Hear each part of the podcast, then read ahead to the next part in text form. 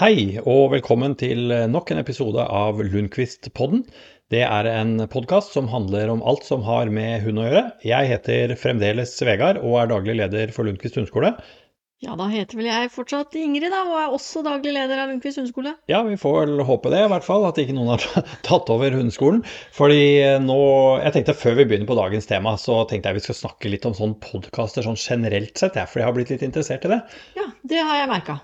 Ja, for det er jo sånn at eh, jeg hadde ikke helt forventa at det var så mange som hadde lyst til å høre på deg og meg snakke om hunder og hundetrening. Og det er jo kjempekos, da. Det, det er det. Eh, og faktisk, vet du, på mandag så var det faktisk sånn at eh, da var podkasten vår på 42.-plass på Spotify sin toppliste over norske podkaster. Ja, jeg visste ikke engang at det fantes en sånn liste, og ikke er jeg så innmari opptatt av sånne lister og resultater. Jeg fins ikke opptatt av konkurranser. Nei, og heldigvis da så utfyller vi hverandre ganske greit, for jeg er litt mer opptatt av konkurranser og lister og målinger og sånn. Og faktisk på mandag så var podkasten vår plassert rett foran Vegard Harm og Morten Hegseth sin podkast, og den er jo veldig bra, da. Ja, og det er veldig morsomt. Det er jo to karer som har holdt på i denne bransjen ganske mye lenger enn oss, da. Ja, men vår podkast var foran dem, da. Det betyr strengt at, at da er vi bedre enn dem. ja, og det er jo viktig for deg, da. Ja, men det eneste jeg ble litt sånn bekymra for, jeg tenker på at uh, da har vi blitt sånn influensere, vi da kanskje, nå som vi har denne podkasten som ligger såpass høyt på den lista. Det tror jeg, og det fører jo til visse ting, da. Ja, jeg er litt bekymra for Tenk om de ringer og spør om jeg skal være med på Skal vi danse, f.eks. Ja, da sier jeg ja, da. Han er med. ja, ja, da melder jeg deg på Kompani Lauritzen. Jeg bare advarer deg. Uh, da skal jeg love deg Jeg kommer til å begynne å grine i løpet av et kvarter. Ja, men det er veldig bra TV, så det, det går fint. Det jeg, jeg, tenker, Skulle jeg hatt sånn fillers i leppene, tror du? Det er, for jeg synes Sofie Elise vet du, hun har en podkast. Den er enda mye mer populær. Ja, Den er kanskje på toppen. Ja, Den skal vi slå. Men vet du hva, jeg var på butikken jeg hjemme her forrige dagen, og da ble jeg gjenkjent. På Rema 1000? Ja. ja. Men nå bor jo vi i Ytre Enebakk. Ja, og jeg ble gjenkjent på ja, Rema 1000. Og du har bodd der i hele livet, og du kjenner alle på butikken. Ja, Men jeg tror de sa hei fordi at de hadde hørt på podkast, jeg, da. Ja, det skal ikke se bort fra det. Men uh, nå prater vi bare tull. Jeg tror ikke folk hører på oss fordi vi prater rør. Fordi vi har jo en visjon. Som, det har vi. Ja, det har vi. Og det skal vi snakke litt om nå. Ja, for hva er egentlig en visjon? En visjon er jo noe som ligger over et mål. Det regnes jo egentlig som en ledestjerne. At det, det definerer hvilken retning man går i. Volvo f.eks. har en visjon, vet jeg, som sier noe sånt som at ingen skal bli alvorlig skadet eller dø i en nyere Volvo.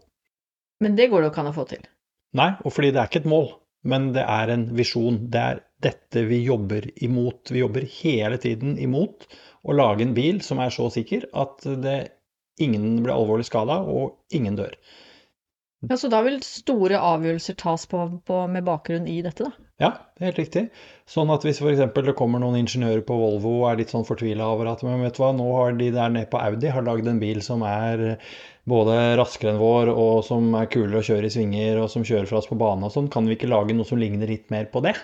Da slår sjefene visjonen i bordet. Ja, og det er ikke det vi driver med her. Men det driver de tydeligvis med nede på Audi.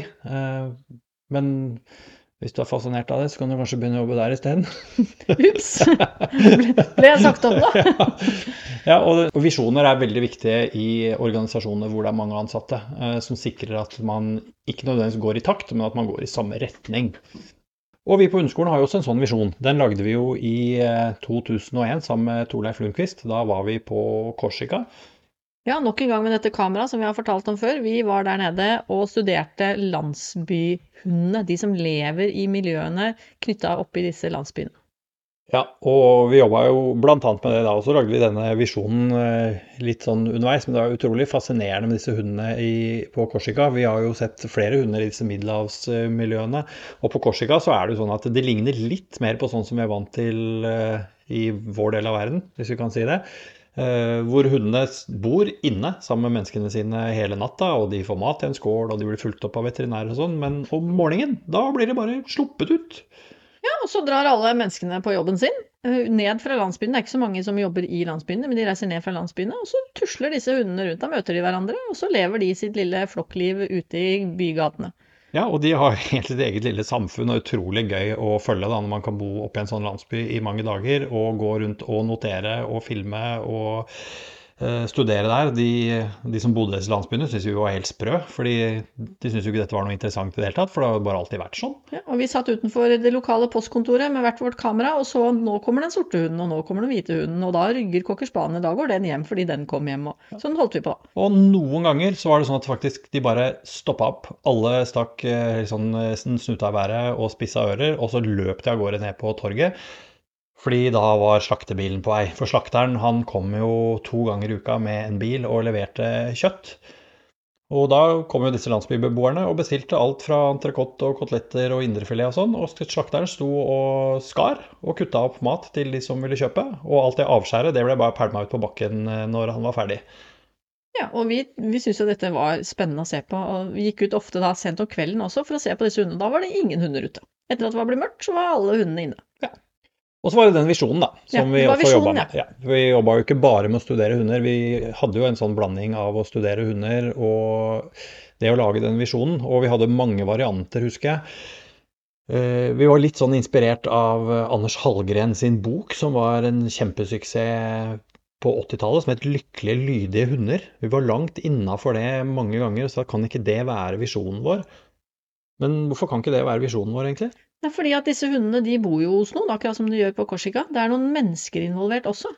Ja, så da er vi mer sånn over på lykkelige, lydige mennesker og hunder, da. Ja, det kunne det faktisk hett. Men så er det noe med lydige mennesker. Vil vi ha det, da? Nei, vi vil jo ikke det. Så, eller vi vil jo for så vidt det. I hvert fall så jobber vi litt med det på kurs innimellom, å få folk til å komme tidsnok og oppføre seg sånn som vi vil på kursplassen. Eh, Men eh, da vi, landa vi ned på at vår visjon må jo handle både om mennesker og hunder. Eh, og dette var jo utrolig interessant da vi satt kveld etter kveld og vi kom med forslag og vi diskuterte. og Det er jo stor forskjell på et motto og en visjon. sånn at vi, vi tok jo det her eh, veldig på alvor. altså Klare å finne noe som ganske kort og konsist definerer retningen på det vi driver med på Lundqvist hundeskole. Og da landa vi på Glade mennesker og glade hunder. ja. Og hva betyr egentlig det, da? Det betyr at når vi sitter og tar avgjørelser som er knytta til hvilke kurs skal vi holde, hvor skal vi holde dem, hvor mange instruktører skal vi være, og når vi lager treningsprogrammer for hunder og eiere, så må målet være at både menneskene og hundene skal bli glade. Det betyr at begge parter skal komme ut av dette med humøret på topp. Det betyr vel også at det skal være gøy å være på kurs. Ja, absolutt. Hver kveld. Og for både mennesker og for hunder. Ja, og instruktørene er også mennesker, så de blir også en del av dette. Ja, det er litt viktig, da. Og det er viktig at alle de som er involvert i dette, har det gøy. Og at hunden Helst så hvis vi kunne snakka med hundene, da. Det, hunder har jo språk og sånn, det har vi snakka om tidligere. Men det hadde vært Det skal helst være sånn at hunden sier at 'jeg gleder meg til neste kurskveld'. Ja. Og det bør eieren gjøre også. Ja. Og vi må lage metoder som er på en sånn måte at de skaper mestring, både for eieren og for hunden, som gjør at det er gøy å trene med hunden sin, også når man ikke er på kurs. Ja, og det betyr at vi kan ikke lage treningsmetoder som på en måte gjør at hundeeieren blir kjempefornøyd, men hunden blir egentlig litt trist. Ja, jeg tenker på Det er noen år siden sist, men eh, vi hadde en grunnkursgruppe hvor det var en kursdeltaker som eh, spurte, for vi jobba med dette med å gå fint i bånd. Eh, Og jobba med dette vi kaller å gå inntil, da. Eh, Og så lurte han på Han hadde sett naboen sin. Han hadde bare tatt et sånt eh, sånn tynt, helstrupende sånt stållenke, eller sånn dressurlenke som det heter. Og så hadde han gått litt bortover fortauet, og når hunden da gikk litt for fort, så hadde han bare røska til ganske hardt i den. Og det gjør jo åpenbart vondt for hunder. Og når hunden hadde opplevd det noen ganger, så skjønte hun jo at jeg må gå litt saktere, jeg må ta det litt med ro for at dette ikke skal gjøre så innmari vondt. Og så begynte denne hunden å gå med slakt på den. Og denne kursdeltakeren lurte på hvorfor kan vi ikke bare gjøre det sånn? Ja, veldig mange mennesker ville nok blitt glade Noen mennesker ville blitt trist av det, fordi de ville ikke gjøre dette med hunden sin, mens mange mennesker ville tenkt at dette var jo veldig raskt og effektivt, og i vårt samfunn i dag så liker vi at ting er raskt og effektivt. Vi slipper å bruke så mye tid, og så bare fikser vi det, og så blir det sånn som vi ønsker oss. Men eh, vi leverer ikke det. Det blir akkurat det samme som vi snakka om det eksempelet med Volvo i stad. At noen kommer og sier kan vi ikke lage en litt eh, raskere og litt eh, kulere bil? Og sier at altså, Nå lager jo Volvo både raske og kule biler, men de, først og fremst så lager vi sikre biler. Det er det vi driver med her. Og det er det samme som vi ville sagt da hvis eh, mot formodning en instruktør skulle foreslått noe sånt, eller en kursdeltaker ønsker seg noe sånt. Så at vi driver ikke med det. Fordi det å sette på et sånn type halsbånd og korrigere hunden, det potensielt sett så vet vi jo, det er forskning viser jo det, at det kan skade både pusterøret og spiserøret. Det kan skape skader i nakken, det kan til og med skade øynene hvis du lager for høyt trykk eh, på halspulsårene. Så det der, det kan kanskje skape noen glade mennesker. Men det skaper ikke glade hunder. Da er det en metode som vi uansett forkaster, selv om den kanskje viser seg å være effektiv. Ja, og vi kjører jo mye bil rundt omkring, og, og går tur eh, selv også. Og ofte så ser vi jo da hunder og eiere som er ute på tur. Og det syns jeg er kjempekos. Jeg blir glad av å se hunder og mennesker er ute og koser seg sammen på tur. Men det, når vi ser da en hund og en eier, kanskje en barnevogn eller en, eh, et barn, eller en, et barn på sykkel eller noe, og så har de med seg en hund som da i anførselstegn lister seg ved siden av mennesket sitt. Hvis man da tenker seg en middels stor hund, da, en type setter eller retriever som har ganske lange bein, og som egentlig er bygd for å trave hele tiden, men som da må gå sakte ved siden av hundeeieren for å unngå korrigering, f.eks. da med en sånn dressurlenke, når båndet strammer seg. Så går de ofte da av en eller annen grunn også midt på gangveien, så man er helt sikker på at hunden ikke kommer nær en eneste grøftekant. Det syns jeg er trist. Jeg tror ingen hunder blir glad av å gå tur på den måten. Nei, jeg blir mye mer glad hvis jeg ser noen som går nedover gangveien med en, et litt lengre bånd, gjerne med hunden i sele. Eh, selv om mange kanskje vil si at de trekker litt mer i sele, så vet vi at det sånn helsemessig så er det sunnere. I hvert fall hvis man har en godt tilpassa sele. Da. Eh, og hunden svinser litt fra side til side og kanskje trekker litt og sånn. Eh, det er helt åpenbart at nå har vi mye mer en glad hund som får lov til å utforske og søke. Men hva skjer, skjer da, da, når barnehagen er på tur, og det kommer ti sånne treåringer gående på samme gangvei? Ja, og da kommer vi inn i faktisk dette grenseoppgangen mellom glade hunder og glade mennesker. For nå har vi kanskje en hund som får lov til å trekke litt, og som har litt eh, større aksjonsradius, og som får snuse og holde på. Men nå skal vi passere noen. Hundeeieren føler seg kanskje litt utrygg. Og nå hadde jeg syntes det vært veldig fint hvis hundeeieren nå kan si Fido, hit, inntil, og så går hunden med slakt bånd, f.eks. For forbi hele denne barnehagen og 100 meter til, og så får den et vær så god, og så kan den gå litt mer sånn som man vil igjen. Det er mye mer glade mennesker og glade hunder for meg, da. Ja, for det er jo ikke noe tvil om at fem eller ti meter langline og en flokk med barnehageunger og sier at ja, hunden min blir så glad, den skjønner av å løpe fra høyre til venstre, det er jo ikke noe suksess. Nei, og det er jo kanskje for å få, få fram et poeng da, med at når vi snakker glade hunder, så betyr jo ikke det hunder som er helt ute av kontroll og som kan gjøre hva de vil. Jeg tenker at mange hunder har veldig godt av og trives godt med å ha en god del regler, og at de kan bli trent med, og at de kan være, kall det i gåseøyne, veldig lydige. Eh, genial tittel som Anders Algren kom med den gangen. Lykkelige, lydige hunder. For det er klart at hunder som er lydige, som er flinke til å komme på innkalling, som kan gå pent i bånd når de får beskjed om det, som ikke hopper ut av bilen uten å ha fått tillatelse, ikke går ut av døra uten å ha fått tillatelse, som på en måte innordner seg et sånt system. At hunden må på en måte gi avkall på litt frihet. Da kan den jo få så fryktelig mye frihet med den andre hånda. Så jeg tenker at hunder som har litt lydighet og styring og kontroll eh, i hverdagen, de kan jo få veldig mye mer frihet i, eh, i neste omgang. Ja, og det man får på kjøpet da, er jo hundeeiere som er stolte av hundene sine. Som veldig gjerne vil møte noen på tur. Litt sånn å få lov til å skinne litt gjennom det hundeholdet man har, og si at eh, ok, hunden min fungerer, jeg stoler på at hunden min gjør som jeg forventer. Og så blir hundeeieren stolt, og gjett om hunden merker det, da. Ja, og da har vi glade mennesker og glade hunder. Eh, jeg husker første gang vi satt og lagde forslag på forslag, og vi hadde noen visjoner som var helt sinnssykt lange. Og vi fant veldig fort ut at det, vi må jo ha en visjon som det går an å huske. For alle som jobber på hundeskolen må kunne si at eh, visjonen er glade mennesker og glade hunder. Det kan ikke være en halv bok med visjon. Eh, men det handler jo ikke bare om metoder og pent i bånd, det handler vel så mye om problemløsning, f.eks.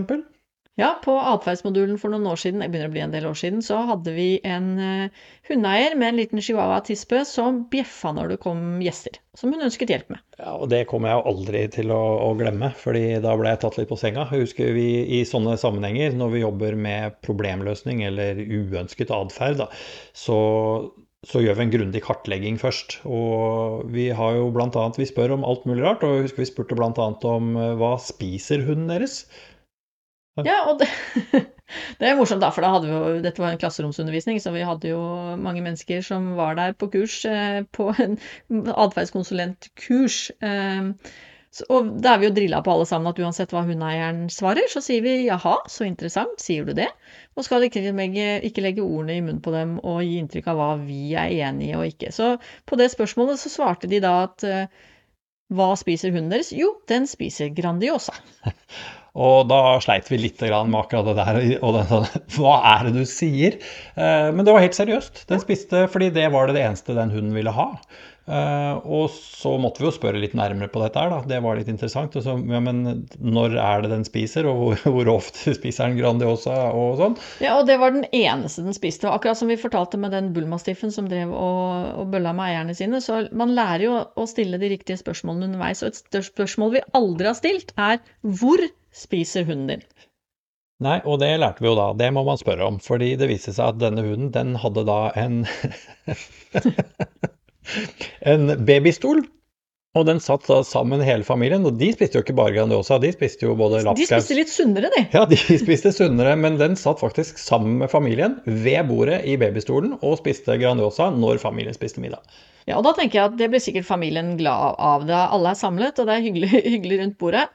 Og hunden også, denne chihuahuaen, ble nok veldig glad når den fikk eh, servert eh, Grandiosa. Det tror jeg faktisk Milo og Vips, våre hunder, også ville vært kjempeglad hvis de hadde fått Grandiosa. Ja, jeg syns Grandiosa er ganske godt sjøl, hvis jeg skal være helt ærlig. Jeg hadde ikke likt å spise det hver eneste dag.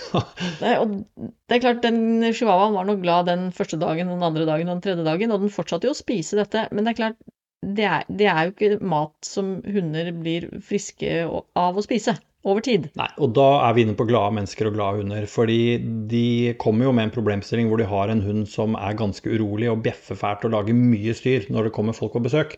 Dette er jo tross alt en bitte, bitte liten vakthund. Det er fort gjort å glemme når vi snakker om chihuahua, så er det mye vaktsomhet i dem. Men årsaken kanskje til mange av disse problemene som er her, det er at vi har noen hundeeiere som syns det er naturlig å servere pizza til hunden sin hver eneste dag, og at den skal sitte i en babystol og spise ved bordet. At vi kanskje har en uh, hundeeier som uh, har litt sånn feil forventninger egentlig til hva en hund har av behov, og hva hunder skal spise, og hva egentlig en hund er. Ja, og da var jo Hva skal vi gjøre med at hunden vår bjeffer når det kommer besøk? Bare Tja. Vi, er, vi foreslår at vi begynner en litt annen ende. Ja, så vi sa jo til dem at dere må på kurs. Hvis vi skal hjelpe dere videre, så må dere komme på kurs. Og, og jeg husker godt at de syntes det var litt rart, fordi denne hunden bjeffer jo ikke på andre hunder, og den bjeffer jo ikke på kurs og sånn. Den bjeffer på gjester som kommer inn i huset. Men vi ser jo at her har vi Vi må lære opp hundeeieren. Det er en god del ferdigheter dere trenger. Dere må lære dere å forstå kanskje aller først og fremst hva en hund er, og hva en hund ikke er. Så må dere begynne å lære dere litt språk og belønne riktig atferd, det å kunne få på litt timing, og det er mange ting da som de, de skal få på plass for å få, få, noen verktøy for å kunne håndtere dette som de syns er litt vanskelig. Ja, og Vi kommer til helt garantert til å snakke om problemløsningen ja, i en annen episode. Eh, men det er klart det de må begynne med, er jo å belønne den hunden for riktig atferd. Hva skal vi gjøre når det kommer besøk, da? Ja, og det er en lang historie kort, men dette handla i mye større grad da om at vi måtte jobbe med eierne. Fordi hvis vi hadde gått inn her og bare fått en hund tvers stille når det kom gjester, så tror jeg med den innstillingen som de hadde, og den forståelsen, eller den manglende forståelsen de hadde av hund og, og hundehold, så ville det bare dukke opp noen nye problemer. Så når vi skal si at vi skal lage glade mennesker og glade hunder, så i akkurat det tilfellet her så må vi utdanne hundeeieren. Og det skulle ikke så mye til heller. De lærte jo masse. De fikk mye, mye mer glede av hunden sin. De begynte å se ting som de aldri hadde sett før. Og så kom hunden seg ned på gulvet, og så begynte den å få hundemat. Og så begynte de å trene litt og jobbe litt bl.a. med aktivisering, som vi snakka om i forrige episode. Fem om dagen? Ja. Og så løste dette med at hunden bjeffa fælt og var urolig når det kom folk også. Det var ikke noen stor utfordring for dem, egentlig. Og da tenker jeg at denne hunden den fikk det veldig, veldig mye bedre. Og hundeeierne fikk det veldig mye bedre. Og det er et godt eksempel da på glade mennesker og glade hunder. Dette var ikke på en måte noe som skulle løses ved at vi bare går inn her og ber den hunden om å holde snavla på seg, for det var ikke det som var problemet. Ja, så for å oppsummere, da, så er jo denne visjonen, glade mennesker og glade hunder, det er jo et arbeidsverktøy som gjør at eh, vi sikrer at alle instruktørene på hundeskolen drar i samme retning. Ja, og når vi da tar avgjørelser, så skal ikke det være på bekostning av hunden, eh, og heller ikke på bekostning av eieren. Nei. Og så er det litt interessant å snakke om, selv om vi nå fordeler måte, livskvalitet og glede jevnt mellom menneske og hund, så er det interessant å spørre hvem er det som har ansvaret for det her? Ansvaret for at man skal ha det bra, ja. ja. Og det tenker vi at det er det jo ingen tvil om. At eh, selv om vi nå sier glade mennesker og glade hunder, mens ansvaret for at det blir sånn, det ligger utelukkende på hundeeieren. Ja, hunden har ikke ansvar for noe. Hunden har ikke valgt å flytte hjem til deg. Nei, så, og jeg tenker det, jeg holdt på å si det verste eksempelet på å ikke ta ansvar, det er når man begynner å skylde på hunden sin. Når man begynner å si at hunden er dum, eller at hunden min er ikke den skarpeste kniven i skuffen, eller man kan jo ikke forvente noe annet når man har kjøpt en eh, så dum hunderase. Så begynner man å snakke stygt om hunden sin og skylde på hunden og lempe ansvaret over på hunden. Det, jeg tenker at det, det må være den beste oppskriften på å ikke klare å lage glade mennesker eller glade hunder når man begynner å skylde på bikkja. Ja, Vi har brukt ordet trist tidligere i dag, men noen av de måte, vanskeligste telefonene vi får også, er når hundeeieren ringer oss og sier at hunden min gjør sånn eller sånn, det kan jeg jo ikke finne meg i. Hunder skal jo ikke gjøre sånn. Nei, men det er noe sånn at i hvert fall så gjør hunden din det, da. og da må du faktisk eh, ta ansvar. Det holder ikke å skylde på hunden og si at hunder skal ikke gjøre sånn. Du må bare håndtere det og gjøre noe med det. På en måte så skal vi jo snakke mer om det her neste gang, fordi vi har jo invitert en kjendis. Ja, jeg er ikke helt sikker på om hun er fortrolig med den tittelen. Nei, det er jo Kjersti, som er en av våre mest erfarne søksinstruktører. Og hun har jo i hvert fall vært på nrk.no. Det har hun, og da er hun kjendis. Da er hun kjendis, fordi Kjersti jobber jo bl.a. med spesialsøk og har trent opp et par sånne diabetes-varslingshunder. Ja, og hvis vi snakker om glade hunder og glade mennesker, tenk deg hvordan det er da, hvis du har en sykdom som diabetes og har en hund som kan hjelpe deg i den situasjonen. Ja, det må jo skape en fantastisk trygghet for eieren. Man, ja, nå skal vi ikke foregripe hele neste episode, da, hvordan disse hundene jobber. Eh, I tillegg så har man da en hund. Så, og jeg tror hunder Vi vet at hunder de er jo både intelligente vesener, de har følelser og de kan kommunisere. Og når de skjønner at de hjelper til, så får vi glad hund. Det liker de. Ja. Så neste episode, da fortsetter vi med glade mennesker og glade hunder, men da i, eh, satt i en helt annen eh, kontekst, nemlig at vi skal snakke om spesialsøk og diabetesvarslingshunder. Jepp, da har det kommet til enden av nok en episode. Vi håper du er klar for å følge oss videre. Tusen takk for nå. Ja, vi høres. Ha det bra. Ha det.